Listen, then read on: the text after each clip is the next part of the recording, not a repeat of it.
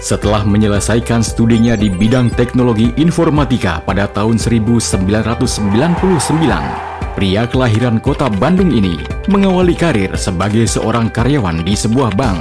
Sebagai karyawan, beberapa penghargaan pernah diraihnya.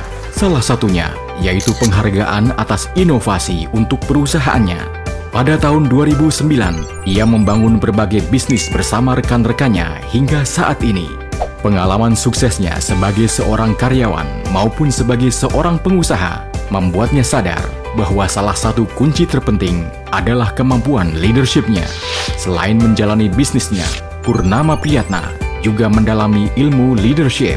Disertifikasi sebagai seorang coach dan trainer diperolehnya semata sebagai bekal dalam memimpin dirinya, keluarganya, dan juga SDM di perusahaannya. Kini, Purnama Priyatna telah banyak diminta dan diundang oleh beberapa perusahaan untuk memberikan sesi coaching, training, dan motivasi.